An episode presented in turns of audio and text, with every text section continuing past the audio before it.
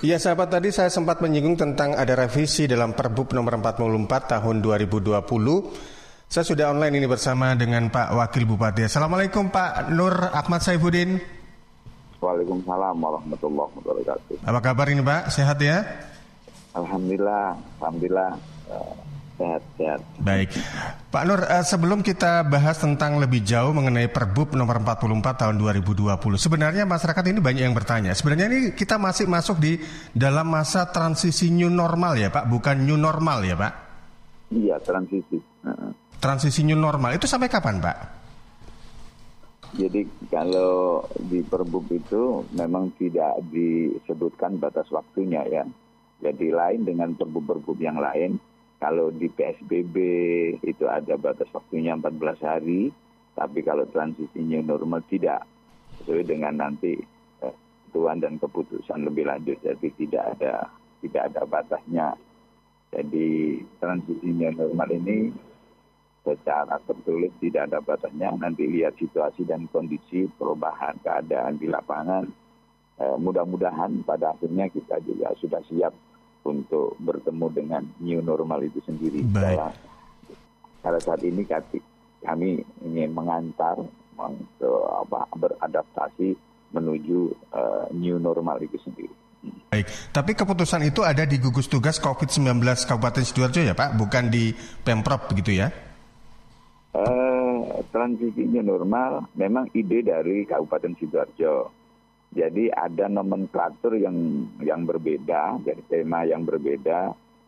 Surabaya yang Gresik, tapi kalau transisinya normal memang murni usul dari Kabupaten Sidoarjo. Jadi eh, sebetulnya kita secara teoritis ya dari WHO kita ini masih belum bisa keluar dari PSBB karena RT kita, rate of transmission kita itu tidak uh, tidak uh, kurang dari uh, masih lebih dari satu seharusnya kalau sudah keluar dari PSBB itu harus kurang dari satu sedangkan Sidoarjo ini 1,2 jadi RT kita masih agak tinggi. Iya, Begitu baik. pula dengan Gresik dan dengan Surabaya. Tetapi perlu diketahui bahwasanya PSBB 1, 2, 3 ini kayaknya sudah membuat masyarakat agak traumatik dan lain sebagainya. Sehingga kalau kita menerapkan dengan nomenklatur PSBB kayaknya berat.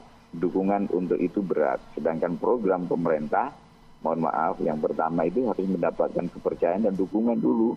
Kalau tidak mendapat dukungan ya agak sulit. Untuk itu eh, secara teoritis tetap kami pegang bahwasanya kita masih eh, penyebarannya cukup tinggi tetapi pelaksanaan nomenklaturnya kita rubah menjadi transisi new normal. Itu memang usul dari uh, Kabupaten Sidoarjo dan alhamdulillah itu diterima hingga saat ini kita memang uh, mempersiapkan melakukan edukasi, melakukan apa pun juga uh, promotif dan preventif di dalam rangka kita memasuki new normal.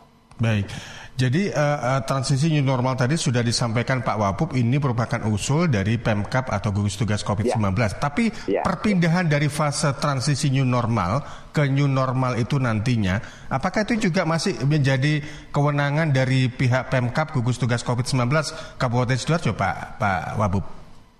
Kalau kita ini kan masih masih apa? Hmm, masih ada keterikatannya dengan uh, Surabaya Raya. Jadi kita tetap ada kebersamaannya ya. Tetap ada kebersamaan dengan tiga daerah tersebut. Karena tiga ini uh, tidak bisa dipisahkan karena jaraknya sangat dekat, korelasi hubungannya juga demikian. Jadi nanti kita mungkin saja melihat juga melihat uh, posisi RT kita. Uh, kita ingin apa melihat bagaimana uh, pertumbuhan dari penyebaran begitu pula bagaimana yang sembuh, bagaimana yang meninggal dan lain sebagainya. Sehingga nantinya kalau memang sudah cukup, bagus, mungkin kita sudah menghilangkan transisinya. Jadi kita sudah memasuki new normal. Yeah. Iya. Uh, oleh karena itu saat ini promos apa provo, uh, preventif dan promotif seharusnya uh, kita gencarkan dengan kampung tangguh dan lain sebagainya uh, karena perwujudan dari kampung tangguh itu adalah sebagai uh, bentuk kesiapan kita untuk menerima new normal. Karena kita selama COVID-19 ini tidak belum atau tidak atau belum ditemukan vaksinnya, ya belum ditemukan vaksinnya, maka kita harus beradaptasi dengan sifat-sifat daripada COVID-19. Maka protokol kesehatan itulah yang harus kita angkat tinggi-tinggi. Jadi jadi disiplin itu menurut kami adalah vaksin terbaik untuk saat ini sebelum ya. vaksin yang sesungguhnya nanti ditemukan. Baik, Pak Wapub, jadi itu yang menjadi dasar juga ketika ada revisi dalam Perbup nomor 44 tahun 2020 karena Sidoarjo juga masih ada terintegrated dengan uh, Surabaya dan Gresik sehingga ya. dalam satu pasal di antaranya pasal 4 ya. Di situ ada pemberlakuan jam malam itu kan mulai jam 11 malam ya. sampai jam 4 dini hari. Sementara di tempat lain mulai jam 10 malam sehingga menimbulkan ya. uh, ketidaksinkronan. Uh, ya. Itu juga yang menjadi dasar begitu Pak Wabub. Ya, jadi revisi itu berkenan satu jam malam. Jadi di jam malam kami memang uh, inisiatif kami udahlah jam malam jam 11 saja. Tapi harus ketat betul. Setelah jam 11 sudah saya berharap sudah nggak ada orang berkeliaran, lalu nggak ada cangkur-cangkuran yang nggak ada kepentingannya atau apa keperluan-keperluan yang tidak urgent itu harapan saya sudah harus selesai sudah semuanya. Tapi oleh karena demi kebersamaan dan ada sinergitas dengan daerah yang lain, maka kami disarankan oleh daerah yang lain dan Pemprov agar supaya untuk merevisi yang jam itu sehingga kami mengikuti akhirnya jadi jam 10. Jam 10 malam. Yang kedua, ya, yang kedua juga ada revisi berkenaan dengan denda. Jadi akhirnya kami juga mengenakan denda juga. Salah satunya contoh bagi mereka-mereka yang melanggar jam malam atau melanggar apa itu uh, pakai masker dan lain sebagainya bisa kena denda, bisa kena loh ya. Artinya uh, sanksi itu banyak bentuknya. Salah satunya ya bekerja di apa bekerja, bekerja sosial dan lain sebagainya. Salah satunya juga alternatifnya juga denda, denda maksimal 150 ribu untuk para pelanggar jam malam sekaligus juga untuk pelanggar masker.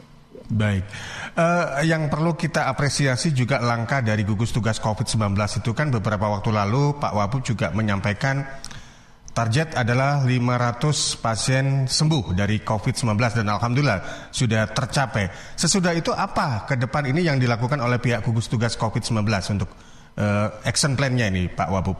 Ya jadi begini ya, oleh karena itu kalau menurut saya secara teoritis itu keberhasilan itu dilihat dari RT-nya. Jadi ada rumusnya sendiri. Mungkin saya tidak bisa apa menjelaskan secara detail di sini.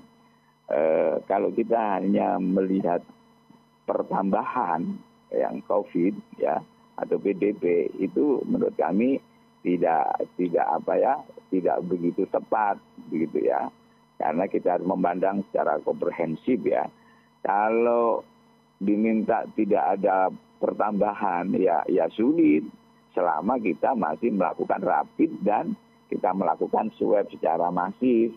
Kalau sekarang ini kita lagi rapid, ke mana-mana rapid, sekolah minta di rapid, anak-anak yang mau kuliah minta di rapid, mau mondok juga di rapid, dan banyak hal lah untuk untuk apa uh, persyaratan bekerja juga di rapid, hasil rapid itu nantinya akan di swab juga yang reaktif. Jadi selama rapid ini dilakukan maka pertambahan pasti ada kan gitu. Nah, kalau hanya menginginkan itu apa stressingnya atau yang menjadi ukuran itu tidak ada penambahan, ya mohon maaf ya secara secara kelakar ya nggak usah rapin, nggak usah swab gitu aja, juga pasti nggak ada tambah. kan gitu. Iya benar. Karena itu parameter penilaiannya bukan hanya itu, tetapi bagaimana tingkat kesembuhannya, persentase kesembuhannya bagaimana. Yang meninggal bisa ditekan sedemikian rupa. Oleh karena itu RIK, ruang isolasi rumah sakit itu secara apa kuratifnya harus betul-betul maksimal. Mm -hmm. Sehingga apabila masyarakat yang kena dan itu bergejala bisa ditangani dengan baik. Baik. Sehingga persentase kesembuhannya juga bagus, sedangkan uh, nilai atau persentase kematian itu kita tekan sedemikian rupa. Hari yeah. ini saya berharap masyarakat tidak usah terlalu gupuh, betul tidak. Yang penting memakai, mengeterapkan protokol kesehatan. Sudah. Yeah. Kita boleh berkegiatan, tetapi kita harus menggunakan protokol kesehatan boleh berkegiatan tapi tolong jangan sampai ada kerumunan yang sangat banyak ya. Jadi semuanya terukur jumlahnya, physical distancing bisa dilaksanakan sudah cukup. Semua silakan bergerak. Dunia industri bergerak, ekonomi bergerak, dunia hiburan silakan, tempat wisata silakan, semuanya juga demikian. Tapi tetap menggunakan protokol kesehatan. Ya, jadi jadi itu yang yang terpenting saat ini. Jadi kita harus memang berakrab dengan corona selama kita belum menemukan vaksinnya. Tetapi kita harus mempelajari bagaimana sifat-sifat corona, kelemahan corona, aktifnya corona itu bagaimana, penularannya bagaimana. Sehingga kehidupan kita ini nantinya berdampingan tetapi kita tahu, oh kita harus begini, kita harus begini, kita harus begini. Itulah yang dimaksud dengan new normal. Jadi new normal itu tidak normal absolut seperti normal-normal yang yang kemarin. Tidak.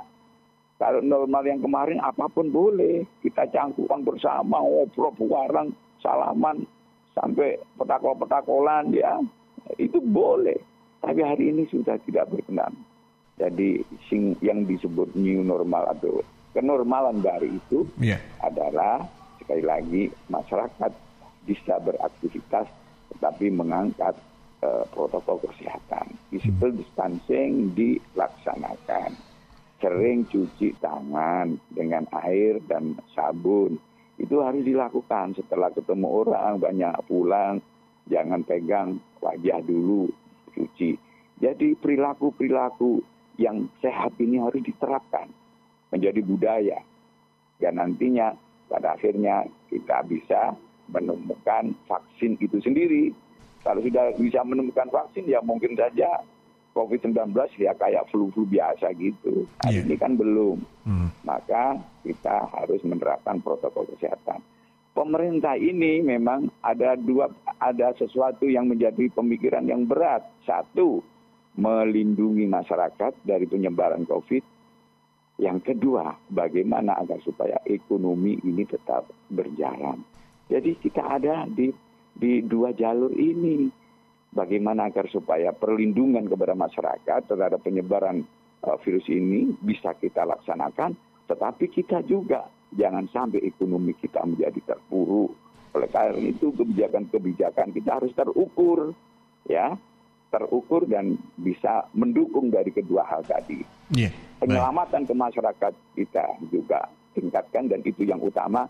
Tetapi masalah ekonomi juga harus menjadi atensi dan menjadi pertimbangan kuat sehingga nantinya seumpama kita sudah lepas dari corona maka ekonomi tetap bisa menggeliat. Ini sesuatu yang yang agak sulit tetapi memang harus kita kita kita atur sedemikian rupa hmm. sehingga setiap kebijakan kita bisa mengakomodir kedua hal tersebut. Ya, jadi kalau meminjam istilahnya Presiden Jokowi adalah gasrem gasrem antara ekonomi dan juga kesehatan. Tapi memang rencana ke depan ada uh, kemungkinan untuk rapid test 100% warga Sidoarjo.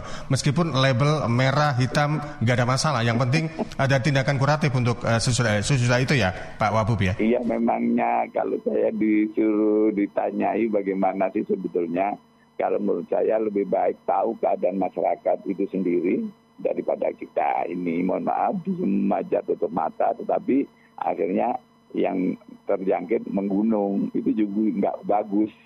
Kalau menurut kami ya lebih baik tahu keadaan tahu uh, sebetulnya yang terjadi sehingga kita bisa melakukan langkah-langkah tindakan lebih lanjut. Daripada waduh kita biar tidak ada penambahan kita diem aja nggak usah rapi-rapi nggak usah surat. Kan kan juga tidak bagus kalau menurut saya seperti itu. Iya, jadi baik. lebih baik kita tahu lebih dini sehingga penindakan kita kita persiapkan strategi kita kita persiapkan perencanaan kita persiapan untuk uh, menyelesaikan keadaan yang sebenarnya yang ada di masyarakat. Baik, baik Pak Wapu, waktu, kita nggak banyak, saya, saya juga terima kasih untuk apresiasi dan ya, juga ya, waktunya. ya, dan sukses sama, selalu untuk gugus tugas COVID-19 ya, dan juga ya, mudah-mudahan kita saya, bisa uh, saya normal. juga berharap kepada masyarakat harus senantiasa optimis, harus senantiasa mempunyai jiwa besar, tahan uji, dan kita harus menjadi pemenang di dalam ujian besar ini ya karena orang yang kuat, orang yang berhasil, bukan orang yang tanpa diuji oleh Tuhan di dalam kehidupannya. Kita ini menjadi insan yang kuat, insan yang berhasil, yang sukses adalah yang senantiasa menyelesaikan setiap problematika, setiap ujian dari Allah. Inilah yang menjadi insan yang kuat, insan yang sukses. Iya, baik. Imun dan iman juga harus kuat gitu ya, pastinya. Iya, harus.